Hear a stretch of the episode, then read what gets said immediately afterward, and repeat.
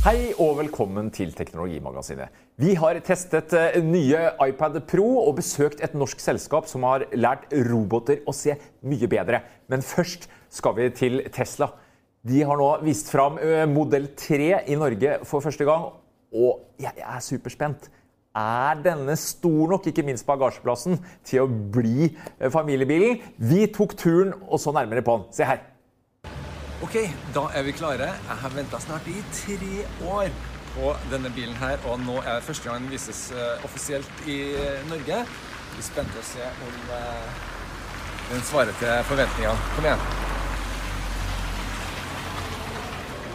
Det er ikke noe lang kø utafor, men eh, det ser jo litt, rann, litt rann folksomt ut i hvert fall. Det blir spennende å se. Jeg går ganske langt inn. Ja, det er langt inni der. Ja, det Kommer du helt inn, eller? Det går, det. Ja, men da lukker vi, da.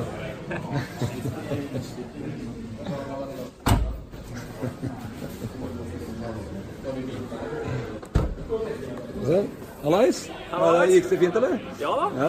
Det er eh, relativt Var det lys inni der? Nei, det var, det var et dårlig lys når du ble oppe, men det er relativt langt inn. Ja. Og ålreit fasong på det, vil jeg si. Sånn, har ikke med meg koffertene mine, men uh, skal få plass til en del her. her. Har du en fin trunk. Den får antageligvis en sånn kabinkoffert uh, fin høyre. Ja. Kabler kan du legge foran. Så, egentlig positivt overraska. Ja. ja det er jeg synes også er veldig stort. Du, har- du har ikke den høyden, og du kan ikke stable opp. Nei, det er det som er problemet. skal gå an å ligge Ja, jeg prøvde det litt snedig detalj her er at du har noen sånne små kroker som, du kan, eh, som er tenkt at her kan man ha handleposer. Så, så liksom det ramler ikke alt rundt inni her. da. Jeg syns det var ganske sånn smart lite grep. Hvis vi ser på de eh, offisielle måla på bagasjen, Christian, bare for å ha det på plass, så er det da 425 liter. og Det er kombinert foran og bak. og Til sammenligning har modell S-en 850. Så det er jo egentlig bare halvparten og litt sånn på Nissan Leaf, Kia. Det eh, er ganske Kia nøyaktig som eh, disse andre er små eh, Eller ja, hvis du kaller Leaf en, en småbil, den, den, den er jo en mellomklasse. Men likevel. Litt overraskende kanskje? at... uh, Jeg vil si jeg er veldig overraska over det. For når jeg så inni der, eh, så, så jeg syns jeg det var, rett og slett var mye større enn jeg opplevde at en, en Leaf var. Det er liksom litt om hvordan, du, hvordan ting er på en måte organisert inni der også. Altså. Og så er det veldig uvant selvfølgelig dette her med at det er en sedan. Ja, det er veldig amerikansk. Eh, eh, og så mistenker jeg Du har jo liksom understreket litt der, og jeg tror nok det må være noe der at når du, når du teller når du, Den der målestandarden Ja, er VDA-standarden som det heter, ja. ja, så, så er det et eller annet med at disse mer sånn, eh, som har en sånn kombikupé, de teller liksom litt over egentlig der du vil laste opp. For du har ikke lyst til å laste opp sånn at du får ting i nakken. Nei, det går opp til vindu, nakkeputer på Ja. Når du åpner opp eh, bagasjen på en eh, SUV eller stasjonsvogn, så får du kanskje litt annerledes inntrykk. Ja. Men ja, sett nå opp en skillevegg da, hvis du skal stable helt opp. Ja, og uh, jeg, jeg må i hvert fall si at hvis du ikke, hvis du ikke stabler helt opp, så virker jo dette her som et større bagasjerom uh, enn på f.eks. en Leaf da, eller en sånn Kia Niro. Uh, for ikke å snakke om da konkurrenten Kona Electric, som er ganske mye mindre igjen. Ganske mye mindre. Men du er jo glad i å kjøre med takboks, i motsetning til meg. Der fikk vi ikke helt klart svar på hva Tesla tenker og Altså, det er jo et ganske klart svar. Det er ikke noe svar. Eh, Så det er på en måte Du kan ikke gå ut ifra at du får noe på taket. Den bilen vi så her, var, hadde et glasstak, og det er jo det som tilhører eh, premiumpakken som bilene har vært eh, solgt med. Det er et stort spørsmål for meg. Altså, hvis jeg ikke kan få med altså, så sier jeg sånn Ja, hvordan skal jeg få med skiene? Kan ikke selge en bil i Norge, familiebil. Nei, for du får ikke, det er ikke noe ski eh, Du må ha ned Ikke et helt sete bak. ikke kano, ingenting. Ehm, det er da selvfølgelig mulig å, å klistre på med noen sånne sugekopper. Ja, for det finnes jo og- noen tredjepartsvarianter på Ja, markedet. men eh, det, det, det, altså det, Av det jeg har lest om dette her, det holder en stund, og så holder det ikke. ikke sant? Det er ikke noe fullgod løsning, det, altså. Eh, Så det gjorde meg litt så skeptisk. Og også det her at du ikke har noe hengefeste. Elon Musk har jo tvitra at eh, ja, ja, det kommer som en tillegg eller noe sånt nå. Eh, Det kommer, i hvert fall. Vi har ikke hørt et kvekk om det. Det skal sies at eh, det er jo en del detaljer som ikke er kjent ennå. Og den eh, norske konfiguratoren blir jo lagt ut før nyttår en gang. Og da er, kan vi jo forvente at det er svar på dette. Ikke sant, Hva slags eh, batteripakker kommer egentlig? Og de er veldig tydelige på Konfiguratoren skal gi deg svaret på alt når det gjelder priser og muligheter for, eh, for tilvalg. Men det er jo ikke bare kano, ski og bæreposer vi skal ha med oss. Pakistan. Passasjerer, hvor godt sitter vi egentlig i bilen? Se på det innslaget her. Nei, det, jeg er for høy, Per Kristian. Jeg er 1,90 høy, og nå må jeg bøye søkke litt sånn sammen. Og jeg får, om du går helt jo, jeg går helt opp. Nå må jeg jo, Jeg får ikke retta meg opp. Nå er jeg hardt oppi. Jeg vil egentlig rette meg litt opp nå. Har ikke sjans. Så her blir det ikke noe Fredrikstad Hafjell eh, på meg baki den her. Og lårstøtten er mildt sagt minimal. Jeg mener, jeg har jo nesten ingenting her. Veldig kort avstand ned til Brønn, som antakeligvis gjør det. Så. Men for eh, 13-åringen, 8-åringen, funker som ei kule. Det gjør nok det. Men ikke for han lange gamlefar. Nå skal det i rettferdighetens navn sies at jeg satt mye bedre foran. Det var veldig god eh, benplass i lengden, men lårstøtten var fortsatt dårlig foran. Altså, der savner jeg på min eh, tyske bil. Der har jeg nemlig muligheten for å kunne dra ut sånn at jeg har god lårstøtte, spesielt når jeg skal kjøre langt. Ja. Det jeg. Men baksetet, Kristian, du føler at du satt det, bra. Dette med lårstøtte er liksom noe som jeg ikke har vært spesielt opptatt av i mitt liv. Lange stilter, jeg, vet du. Så, men noen er kanskje opptatt av det. Jeg syns jeg satt veldig bra. I, i, altså, det var jo overraskende god plass foran knærne, i hvert fall. Mm. Jeg er jo 1,80 og nokså normal størrelse. Da, så det, det er jo det som er viktig. Det, I hvert fall i forhold til de konkurrerende bilene så er det ganske bra plass til knærne. Men det er litt sånn snodig opplegg at du sitter veldig sånn, litt sånn lavt med rumpa. Ikke sant? Og sitter med litt sånn høyt opp med knærne. Ja, du gjør det. Ikke skyve setet fram og tilbake. bet jeg meg merke. Du kunne heller ikke recline eller ta ned. Så det var ganske sånn Du sitter der du sitter. Ja. Men det er jo ikke først og fremst kanskje baksetet man er mest opptatt av. Ja, jeg vil kjøre den, jeg. Men hvordan var følelsen i kupeen? da? Det bør vi kanskje se litt nærmere på. Ja. Se her. Ok, da har vi fått sitte her inne i um, noen få minutter. Uh, det er det vi sannsynligvis rekker i dag. Det som er litt snedig, er at vi har oppdaga to feil så langt. det ene hanskerommet som ikke sitter inne, og så den her som måtte ikke vil igjen. Ja. det er vel sånn småtterier. Litt smårusk. Men, Smårusk. eh, Men um, det er også en veldig veldig annerledes opplevelse, det å sitte inni her og se på denne skjermen. Eh, også veldig annerledes enn å sitte i en eh, S eller minimalistisk liksom. her, Per Christian. Helt annerledes stil, og jeg tror en stil som vil appellere Altså de som eh, syns at eh, eh, Tesla har litt sånn harry design, eh, for å kalle det det, eh, vil synes at dette her er, er ganske lekkert. Litt mer sånn Nordic Light med Ja. litt tre og Sånn som den der, akkurat de premiumdetaljene, bitte, bitte små tingene, er ikke helt der som du kan oppleve at f.eks. En, en BM eller en Audi er. Men det er likevel Det, er noe, det føles veldig friskt å sitte inni her. Ja, Altså. rent og klint. Men for oss som liker å skru på ting, så er det ikke så mye å ta seg til. Og det vil jeg ikke si meg enig i. Så lenge jeg har en skjerm, så er jeg fornøyd. Og skjermen her kan du gjøre utrolig mye med. Hvis du sammenligner med andre helt nye biler, så er jo responsiviteten og brukervennligheten her egentlig i en annen klasse enn en, enn veldig mange biler, da. Ehm, og det er jo den store styrken her, at dette her er noe som da også oppdateres underveis fortløpende. Det store opplevelsen her når du sitter inni eh, her for første gang, er jo selvfølgelig å se en så stor skjerm, som også gir et veldig annerledes inntrykk enn det du har på en eh, Model S og en Model X. Det er så utrolig rendyrka at du har alle knappene på rattet, og til og med knapper som, for eksempel, som andre har som egne knapper, f.eks. det å styre eh, speil, f.eks., er da inkludert i rattet her. Den, den knappen som eh, du ellers kanskje bruker til å styre eh, lydvolumet med, bruker du også til å styre hvordan du skal sette inn speilene. Og da er det fire, fire retninger på disse knappene. her. Du dytter dem til høyre og venstre, og så opp og ned. Så ser du da at det justerer seg. Og samme, på samme måten er det om du eh, tar rattet. Så kan du bruke disse knappene her, og så trekker du inn og ut rattet også med eh, elektriske eh, motorer. Akkurat det syns jeg fungerer veldig greit. Og jeg tror ikke at uh, mangel på knapper er egentlig er noe sånn stort um, Stort savn sånn umiddelbart. Uh, jeg tror ikke det kommer det, jeg, da, men Du kan tenke deg hardware-knapper? Men jeg tenker sånn at her nede så har du noen av de aller mest brukte, det som du bruker oftest, og de står liksom oppe hele tida. Så du har liksom ikke bare én hjemknapp, og så må du liksom inn og øh, navigere. Noen av de aller liksom vanligste med varme i setet, litt musikk, øh, temperaturen, har du øh, liggende her, sånn at du trenger ikke å drive og stille på dem. Så har du utrolig fancy greier her. Du kan stille da luftstrømmen. Se på dette her. Eh, ganske litt sånn fancy navigasjon, da, eh, animasjon. Eh, og det er faktisk da helt annen måte. Det fins ikke sånne tradisjonelle dyser, men, en, men en, et eget system som justerer luftstrømmen inne i dashbordet her. Så var det det med kvalitetsfølelsen. da. Vi nevnte jo den der hanskerommet, og det måtte faktisk en Tesla-representant inn og fikse den altså for å få den til å feste seg igjen. Ikke helt premium, Kristian. Hva tenker du?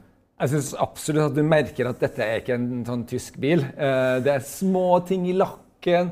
Bitte små som liksom Kikka inn litt i bagasjerommet der. Der henger det liksom litt eh, kabler inn bak. Det ser litt som en sånn uh, cowboybyaktig kulisser. Litt, da. Og så syns jeg det at inne i, i bilen altså den, her, den, den er utrolig lekker, ikke sant? Den, det der dashbordet. Men når du ser på resten av designen, så henger det faktisk ikke helt sammen. Det er litt merkelig. Det er litt sånn Lazyboy-preg på de der setene. De passer ikke. Det er, sånn, det er noe av det der amerikanske, litt sånn overveldende, klumpete designet som henger litt igjen. Det er ikke den, den der kline, eh, skandinaviske estetikken er ikke gjennomført.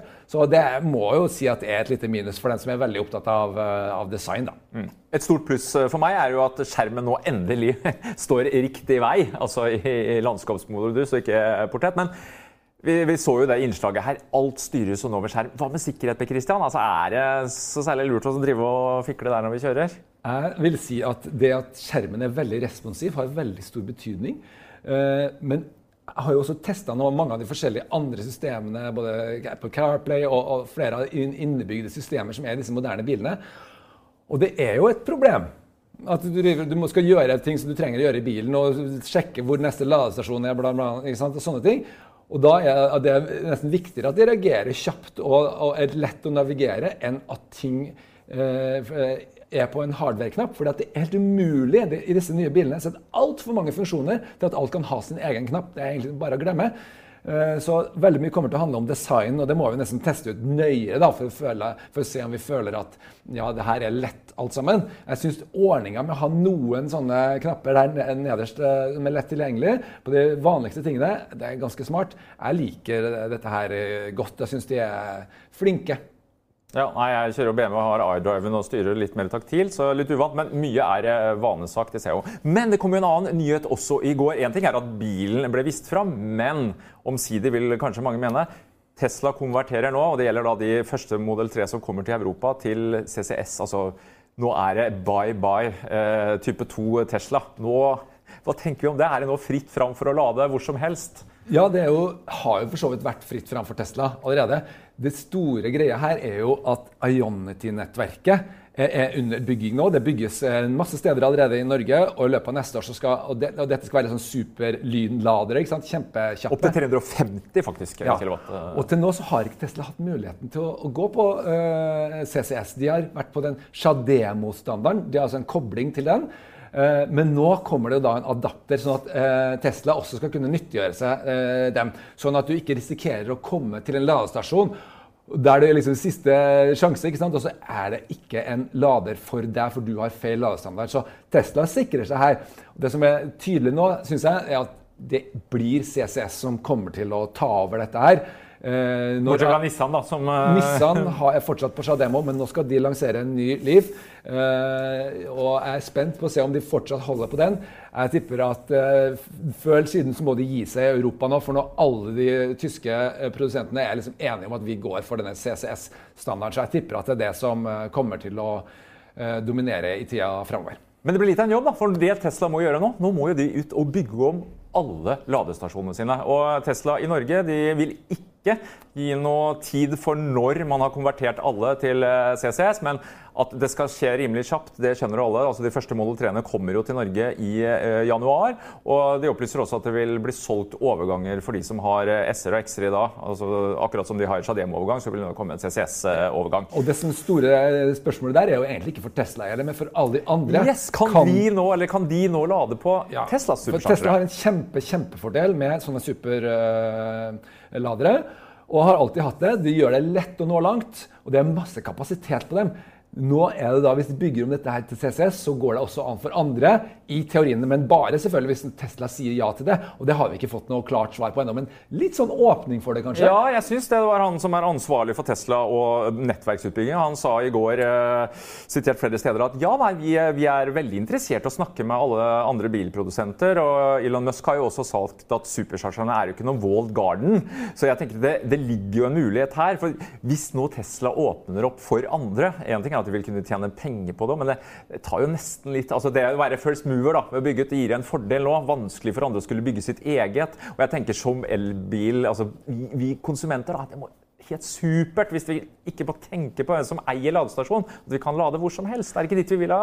Jo da, men det som gjenstår her er jo for så vidt at det er en usikkerhet knytta til dette her eh, fortsatt. Og det er usikkerheter på flere punkter når det gjelder denne bilen. Ikke minst når det gjelder prisen, som vi ennå ikke vet. I USA så har vi da fått høre at er 35 000 dollar. var- Det jeg bestilte en bil til 35 000 dollar, den er jo ikke vært i salg. Ingen som har fått den. Det er 49 000 dollar vel, som har blitt Ja, levert nå. Det er Um, den rimeligste. Og det store spørsmålet er hva slags modeller kommer til Norge. Er det bare liksom de premiumpakkene? Må vi liksom opp i en halv million her? Kommer vi under 400 000? Det er det store eh, spørsmålet. Eh, Du liker å kjøpe en brukt S da, hvis han uh, Ja. hopper for høyt opp. Ja, ikke sant? Og det kan hende at det fort blir en mer uh, aktuell uh, problemstilling for mange. Og så bruke, kjøper rett og slett en, en brukt, litt eldre bil. da. Uh, som selvfølgelig ikke er det samme som å kjøpe en ny bil. Men det som var litt morsomt der også, var jo det at vi eh, fikk jo litt indikasjon på det med levering. Ja, da ble jeg glad, for jeg har, du har jo bestilt din snik. Ja, ja, ja. Du har jo din kø, men det har ikke jeg. Så jeg tenkte at ok, hvis jeg nå virkelig tenner på den bilen her, hva, hva skjer da? Og når jeg spurte Tesla, hør nå her, jeg har ingen reservasjon, jeg bestiller nå. Eh, hva skjer? Er, snakker vi 2020? Nei, det var ikke helt umulig at jeg kunne få den da før julenissen kommer neste år. Altså i løpet av slutten av 2019. Og det tenker jeg det var egentlig litt positivt. For da, er Tesla faktisk Og det vet vi jo, nå har de jo da angivelig kommet opp i 5000 biler i uka. Fått fart på produksjonen. Og i motsetning til eh, altså en Kia Niro, da, hvor jeg får beskjed om at sorry, her er køen stengt. Ja, stengt. Eh, rett og slett. De klarer neppe å levere noe for langt ut i 2020 anslagsvis, når de åpner igjen. Så det er, eh, det er positivt. Så det som skiller store spørsmålet nå, er jo på, måte da på det norske markedet hvem er det som egentlig klarer å levere biler. For det er jo så enormt uh, trøkk. Og det ser jo ut til at det er Tesla eh, utover neste år. Og også uh, Nissan. Nissan ja, har jo virkelig klart å levere Leaf. Ja, Det- og det kommer jo med en ny modell også, som da blir det store spørsmålet. For, for meg da, så er det liksom veldig, fortsatt veldig uklart. ikke sant? Altså, jeg ser jo at mange av de tingene jeg spør etter her, er jo egentlig ikke noe altså, Sedan er jo ikke noe som passer for de fleste norske familier. De vil jo ha en kompakt SUV, er ikke det som er trenden? Ja, ikke sant? Og det har jo Tesla på gang, men en modell Y, og den blir lansert kanskje i mars eller et eller annet sånt nå. Og så er det to år å vente på et eller annet før den kommer. eller noe sånt. Jeg vet Der ikke. tror jeg Elon Musk angrer på Christian. Hadde han visste, han visste da om hva folk vil ha, så tror jeg han hadde snudd rekkefølga der. Kjørt ut Y-en før han kjørte Ja, Det hadde nok vært jeg eh, smartere, syns jeg også. Jeg har i hvert fall vært mer interessert i den bilen. Så vi får se om jeg holder på den her reservasjonen, eller, eller hva som skjer. Det, er flere nyheter som kommer, og vi må jo bare følge med og vente til siste øyeblikk med å ta noen beslutning, selvfølgelig. Prissvaret får vi først når konfiguratoren er på plass eh, før jul. Men nå, vi må videre.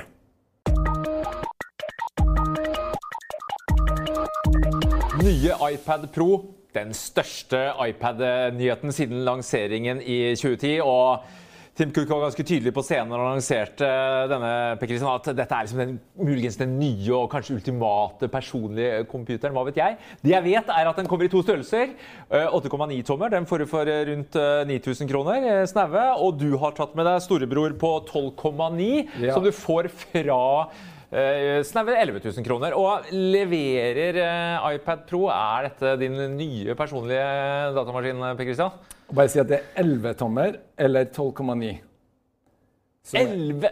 Ikke sant? For den har Eh, hoppa opp fra var 10,5 på forrige Ja, generasjon. den, eh, den Men det er ganske stor forskjell da, på å, å, å, å se dette her nye formatet. Det, det er jo det som er litt sånn det, det, er jo interessant. Dette er første gang jeg har en av de store iPadene. Og dette her er jo uh, det, De har jo hatt en sånn 13-tommer uh, en, en, god stund, sånn en pro-utgave.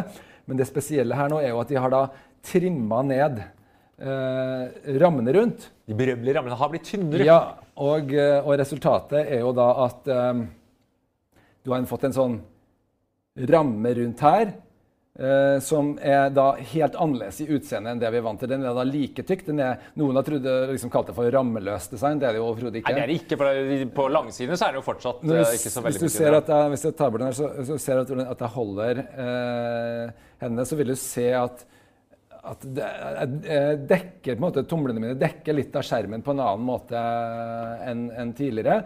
Men det er først og fremst faktisk når generasjonen er over og under da, som, som du er, er den store endringen. Ja. Og det som er så rart også, er jo også at samtidig så er hjem-knappen borte. og da går de samme veien som de ellers har uh, gjort.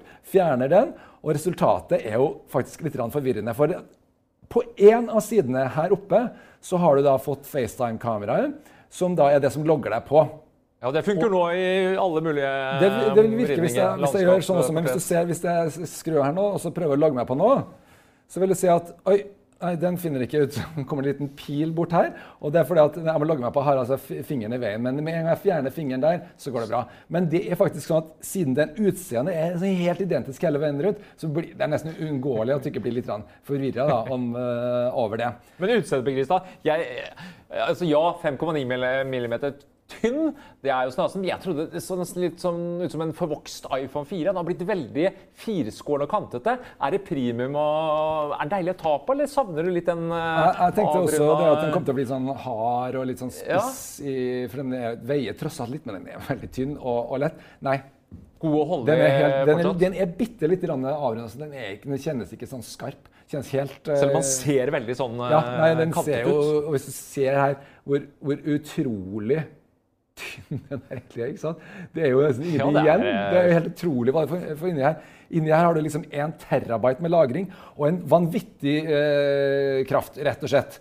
Um, og um, Eh, så har de da valgt en litt ny løsning på uh, tastaturet her. For det er jo veldig naturlig at du kjøper med et tastatur. Dette er såpass uh, heftig verktøy at du vil bruke det litt produktivt også. Ja, det er vel tanken at du skal kunne bruke dette her som en Og da har de da gjort, gjort, en sånn greie for Så, å Nå ramla den av, Petita. Ja, ja. Skulle vel egentlig sitte fast. De har laga et sånt for å unngå Du har et ganske stort uh, kamera her sånn. Ja, den bygger ganske kraftig ja, ut et par millimeter. Men da har de laga en, en løsning som gjør at denne, dette tastaturet går nå rundt hele og beskytter hele. Sånn var det ikke tidligere. Uh, og det, det, liker jeg veldig godt. Det er mye bedre at, at, når du kjøper noe som er så dyrt Ja, For det koster nesten 2000 kroner? Uh, tastaturet, ja. ja. ja det. Uh, koster å være kar. Det koster å være kar.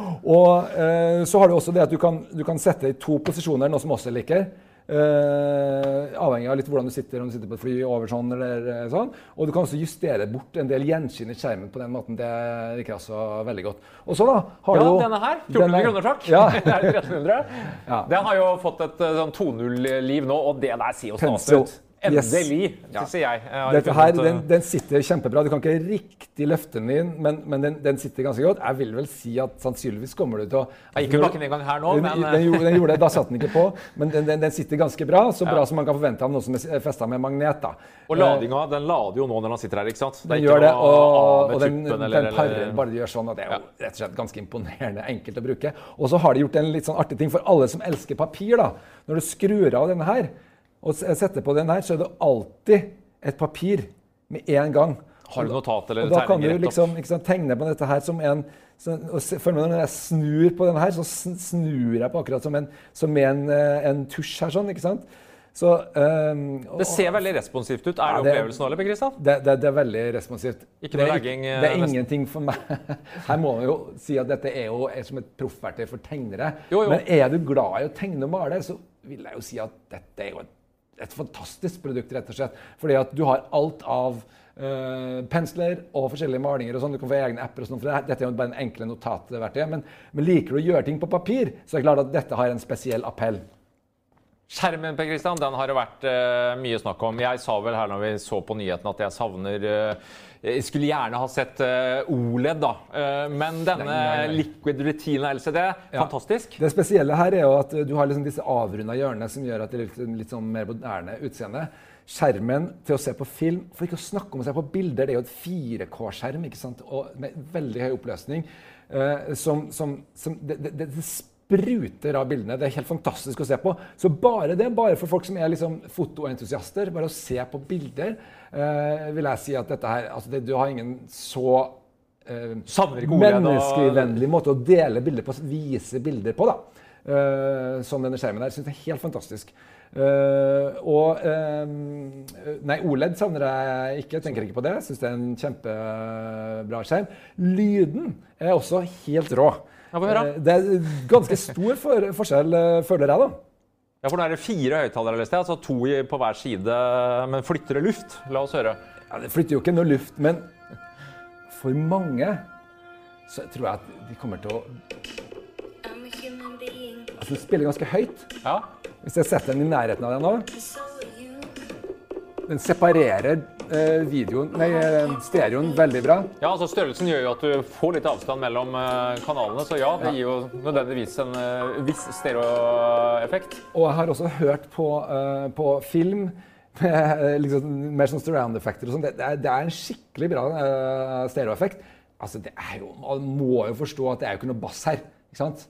Men likevel tror spesielt folk som hører mye på radio kan komme til å finne på å bruke den her ganske mye som, uh, som radioen sin. For du kan på en måte, høre på en radio på andre sida av rommet ikke sant? på en helt annen måte enn en, en mobiltelefon. Altså, det er ganske stor forskjell på, på de to, syns jeg.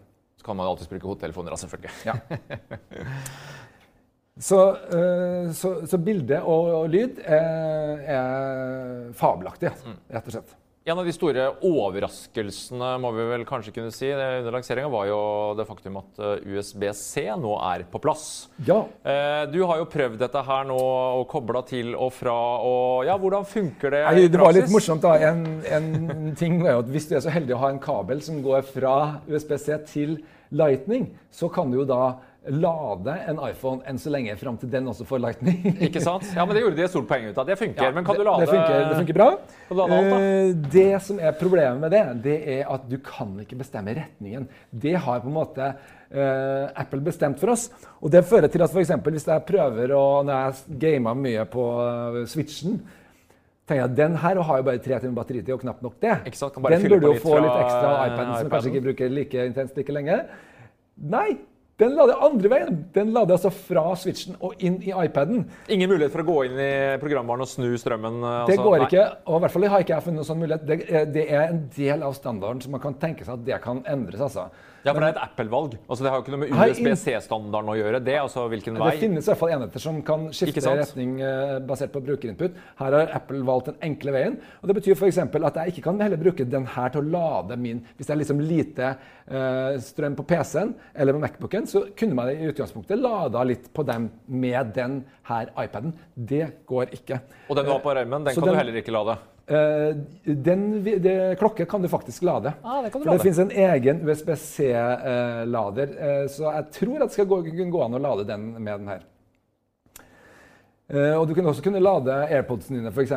Sånn, så det er jo noe litt nytt, en fordel da, med, med USBC. For det er ikke noe trådløslading på den her? ikke sant? Skal, man skal merke seg her at det er USBC her. det er vel USB 3.1 generasjon 2 to. så vidt jeg husker. Det er mange mange standarder. Og det betyr at det, det ikke er eh, det samme som på eh, disse Macbookene som har Thunderbolt 3. Det er mye eh, langsommere eh, overføringshastighet, men det er likevel plenty. Det går i 10 gigabit. Det, det går unna som, så det griner.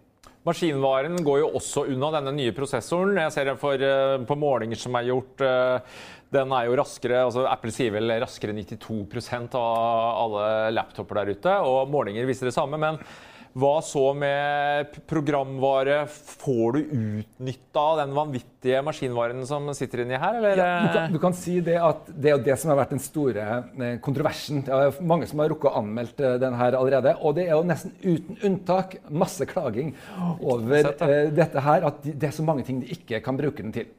Eh, fordi at du, Den kalles jo for en iPad Pro, og det skal jo Apple godt få litt skjenn for. At de lanserer dette her som et sånn proffalternativ.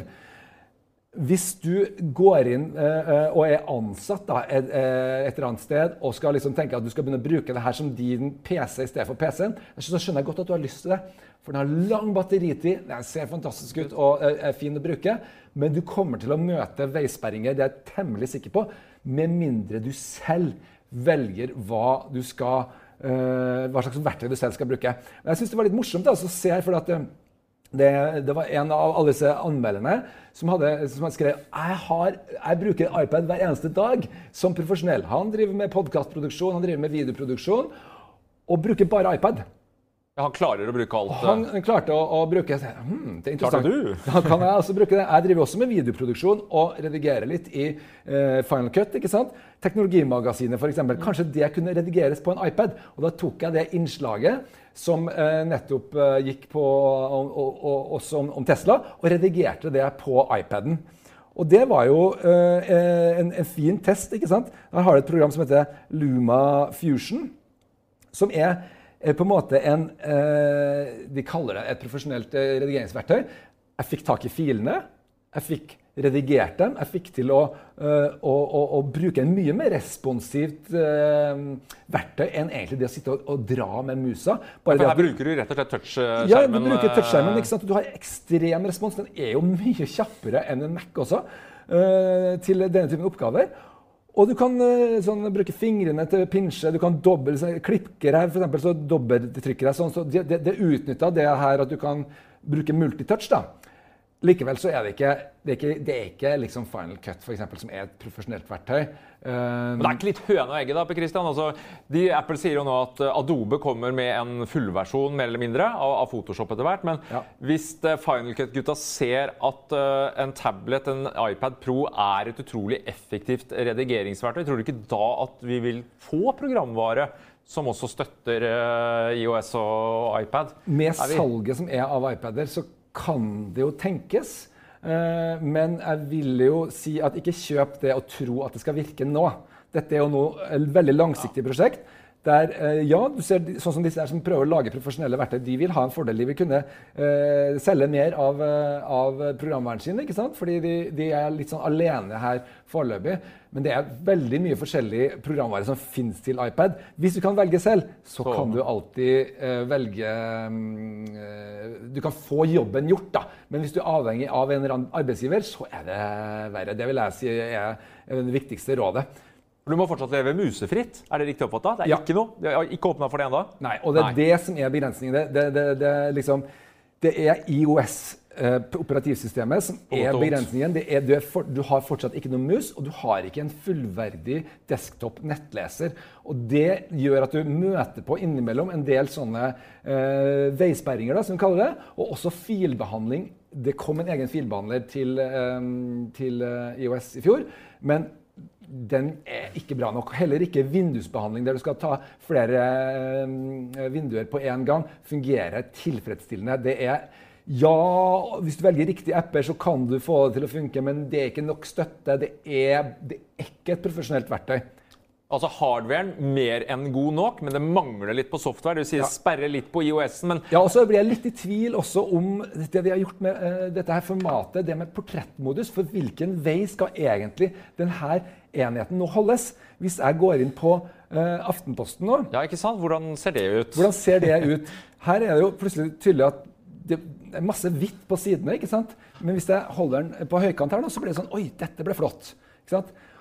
Og så er jeg litt sånn usikker på briller, da. Så er jeg litt usikker på liksom, om, uh, om det her er liksom den er litt stor så det holder sånn. Ja, Det ser nesten litt rart ut. Den, litt rart. den er faktisk litt, litt unaturlig litt stor. Litt, litt for stor kanskje til å holde seg i, i to hender uh, på denne måten. Men så er det sånn at uh, hvis du har da um, Eh, en e-avis. Og det er jo litt relevant for oss som er i Aftenposten. er vi mye seere som også leser sikkert papiraviser, eller kan tenke seg å lese e-aviser. Så du jo, får du jo fulle effekten av den store skjermen. Og her kan jeg lese en hel sånn tabloidside eh, uten problemer. Men skriften blir Ja, ja. veldig liten. Den blir liten. Den blir veldig liten. Det er selvfølgelig ikke noe problem å dobbeltklikke, og så, så får du uh, lese den delen. Det er klart. Men Det det er krever sånn 2020-syn. Du må ha justert uh... du, jeg syns du skal gå i butikken og altså, se på en sånn side som er der, hvis dette er en type bruk som du skal bruke mye. da. Fordi at Skal du se to sider på en gang, så blir det for smått for de aller fleste selv på den svære her. ikke sant? Du kan kanskje hoppe på én side av gangen hvis du har veldig godt syn. Ellers så har du 11-tommeren som jo har akkurat den samme innmaten når det gjelder maskinvare og sånne ting, hvis man ønsker å gå et hakk ned i størrelse. da. Ja. Men spørsmålet da innledningsvis, altså er dette, som Apple går langt i å ville, skulle ha det til, en fullverdig erstatning på, for en PC, altså for en eh, Macbook? Er vi ikke helt der, da? Nei, det for det, sånne- det folk ønsker seg når man klager, det er jo jeg vil jo kvitte meg med Mac-en eller? PC-en min. Jeg vil jo bare ha én ting. Og når den her er så kapabel, så hvorfor ikke? Det er bare det at det er ikke klart. Nei. Det er ikke klart. Så ikke tro at du skal erstatte PC eller Mac med denne her. Uh, når det er sagt, så Hvis du ser på det mer som en ting som du likevel tar med på reise ikke sant? Fordi at ja, du, skal jo få, du har jo litt avslappingstid der på hotellrommet eller på flyplassen eller hvor det nå er. Uh, eller i sofaen hjemme. Det å se på og oppleve være en konsument av medier er fantastisk her. Og eh, det å tegne og, gjøre, redigere og sånne ting, det, det begynner også å bli. Men det å sitte og produsere jobben sin, det, Det- vi er ikke der helt riktig ennå. Så er det meg, da, som er sånn typisk uh, gadget-freak. Og jeg, som jeg har sagt, jeg, jeg er den første iPaden jeg virkelig har hatt lyst på. Uh, det kommer til å bli mye- mest mediekonsum. Kanskje leke meg litt med penselen, redigere litt bilde og litt video. Men det kommer jo en ny iPad i våres som jeg kan kjøpe for 4500 kroner. Er det da er det gale, Mathias, å skulle legge ut 11 000 pluss eh, for Denne den? her, Eller? den koster jo ikke 4500, den koster 3500. Ja, hvis vi skal ha med største den, den, 128, da. ja, okay, men eh, den begynner, liksom, den begynner liksom på det. Ja. Og det er jo noe av det billigste du kan få få mest for pengene. Altså. Så akkurat her er jo litt annerledes enn på iPhone, for nå kan vi jo kritisere Apple for å lage bare veldig dyre produkter på iPhone-sida, men her har de faktisk et veldig bra prisa eh, produkt. En helt vanlig iPaden som er knallbra Ja, fortsatt. Det, du får utrolig mye for pengene. Så jeg Også- kan ikke forsvare den. eh, Hvor mye har du betalt for denne? Så- Tør du si det høyt, eller? Denne her koster 23 000. Med tastatur og, eh, og den her, og LTE, og 1 terabyte lagring. Ja, okay? Hvem som trenger det? Ja. Ja, hvem som trenger det? Det, er kanskje ikke nødvendig, men Skytider. det er eh, et, et kjempekostbart eh, produkt. Når det er sagt, det er et luksusprodukt. Det er sånn eh, man kan oppfatte Jeg vil si at du får noe for pengene. Eh, det er ikke sånn at det ikke får noe altså Dette med, med den eh, 120 Hz-oppdateringen på skjermen for eksempel, er noe du Ja, du merker det. Det er en enda bedre skjerm. Det, ser, det er så smooth. Eh, men det er, det er, bitt, det er de detaljene. ikke sant? Det er ingen som trenger denne maskinen her. Det vil jeg våge å påstå. Ingen trenger det. Mener du det kanskje det er profesjonell tegner eller eh, maler, så kan du kanskje forsvare det. Hvis ikke så er det et luksusprodukt. Bare vit det, så tror jeg at du kanskje kan bli fornøyd hvis du har bra med penger. hvis ikke, så går det an å klare seg helt fint uten. Ja, da tror jeg jammen jeg skal stagge forfengeligheten min jeg, Per Kristian, og spare de pengene. Vi må videre.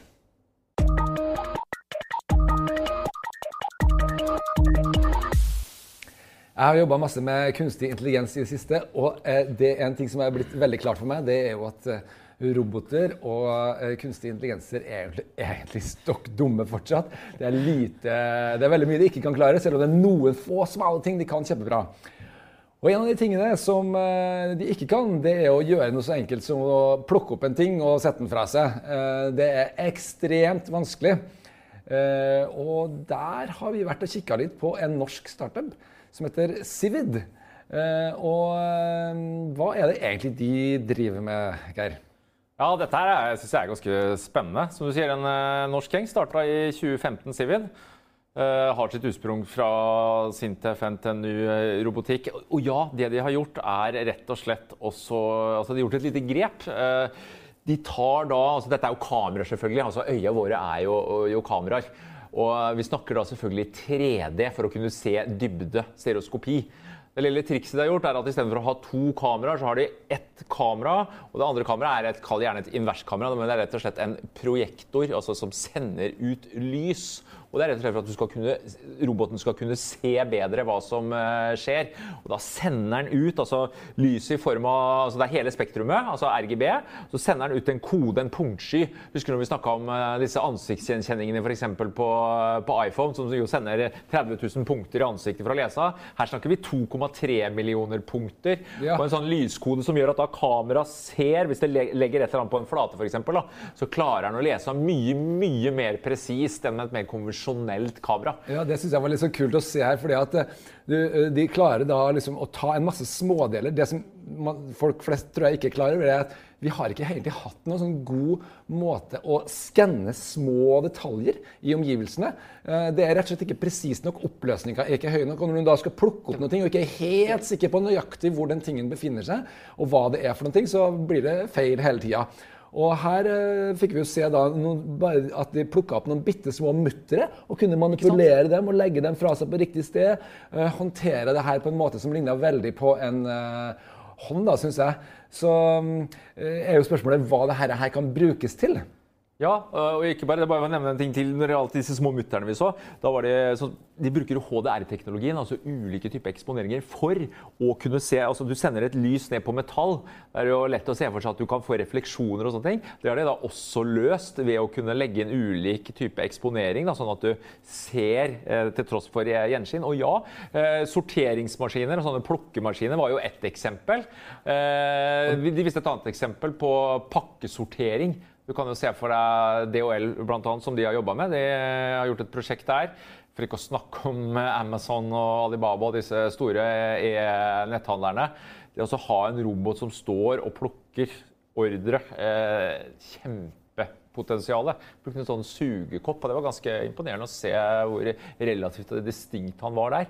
Jeg syns det er morsomt hvordan veldig mye her sånn ligger an til en sånn komplett automatisering da, av hele produksjonsprosessen. Fra du bestiller hjemme i sofakroken varen til Du sitter og eh, bestiller, og så er det bare roboter som plukker ting. Og så er neste skritt er selvfølgelig at de setter inn en selvkjørende bil og kjører ja, det hjem til deg. Eller en drone autonomt fra A til Å. Ja, Ja, jeg tydelig at det, det, er dit vi skal før eller siden, altså. Men så er det ganske store hindringer på veien. Og en av de tingene som er hindringer, er jo selve liksom, det taktile i en hånd. altså Små fintfølinger. Der ser vi jo sånn som den her eh, roboten som var satt på Civid. Da, den er jo, den er jo eh, en såkalt softrobot. sånn at den, på en måte, hvis du tar på den, så stopper den opp. og så, så Den er ikke farlig å jobbe, den kan stå ved siden av eh, mennesker. og sånn, Men fortsatt, når du ser på fingrene, så er det jo utrolig primitive. Det er jo ikke fingre, det er bare sånn to klyper, liksom. Tenk hvor avanserte ja. hendene våre. Jeg synes Det var morsomt å se på et eksempel der som som OpenAI, forskningsstiftelsen som driver med kunstig intelligens,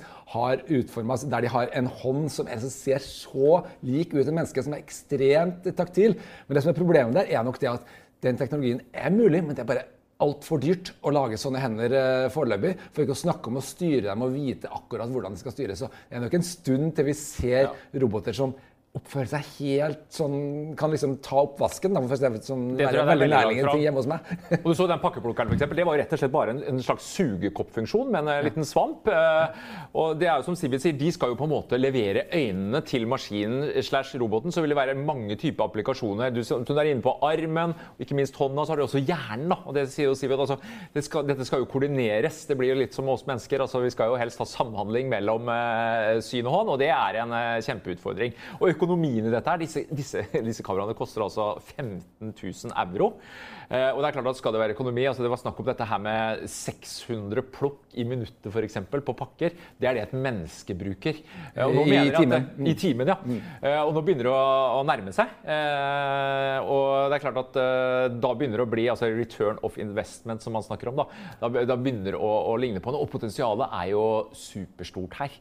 Det, det er heftige saker. Ja. Nå kom de med en ny modell nå nylig. Det må nevnes. Altså fordi hvis det, også, det var 10 hertz, altså 10 bilder i sekundet. Nå gira de opp til 13 så jeg, på den nye pluss-modellen sin. Det betyr at de kan antageligvis da plukke enda kjappere.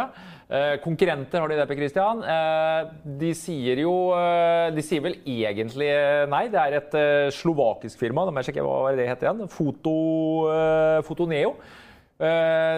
Ser, så, eh, ser litt annerledes ut. De mener at, eh, mener at de kanskje ikke er helt der oppe. Eh, og da må jeg bare, Så du hvordan den ser ut, den Siven? Det er ganske morsomt. altså. Ja. For den er jo rett og slett, og det, det er helt bevisst, den skal se ut som et menneske. altså Den har en liten hårsveis, et lite skjegg, to øyne, litt sånn Volley-aktig. Ja, det var ligner du- på den roboten Volley, hvis du har sett den. ja, ikke sant? Og det har med litt med companion. For én ting er liksom de svære bilrobotene du ser. Livsfallet kommer i nærheten av. Men som, som Sivid sier, at vi vil jo også gjerne inn på markedet med små og mellomstore bedrifter. Hvor du kanskje skal ha en liten sånn plukkerobot av. Det står en, en, en, en person og jobber i, i samsvar med dette her. Og det er litt hyggelig, da, eller kanskje litt frem, mindre fremmedgjørende å ha en robot som ser litt eh, menneskelig ut. Så det framstår som veldig sånn gjennomtenkt. ganske sånn Hele konseptet her, da. Ja. Og det tror jeg egentlig er det som er konklusjonen her. At eh, det er de, eh, disse små og mellomstore bedriftene det er de som får se dette her eh, først. Kanskje før vi får sånne roboter som egentlig drømmer om skal hjelpe oss uh, eh, hjemme og ordne alt sammen. Så tror jeg nok at det her blir ikke lenger noe bare for den store bilindustrien. Men det du får se, dette kommer inn i små og mellomstore bedrifter. Så ikke Jeff Bezuz eller Jack Ma eller en av disse svære kommer og bare kjøper dette her og sier at dette skal vi ha i disse store plukkhusene sine. Ja. Og da sier jo Sivert-gutta at nei, vi skal bygge industri. Vi er ikke opptatt av å skulle selge oss ut. Vi får se på det, da. Vi får se på det. Og med det så sier vi at streken er satt for i dag. Velkommen igjen.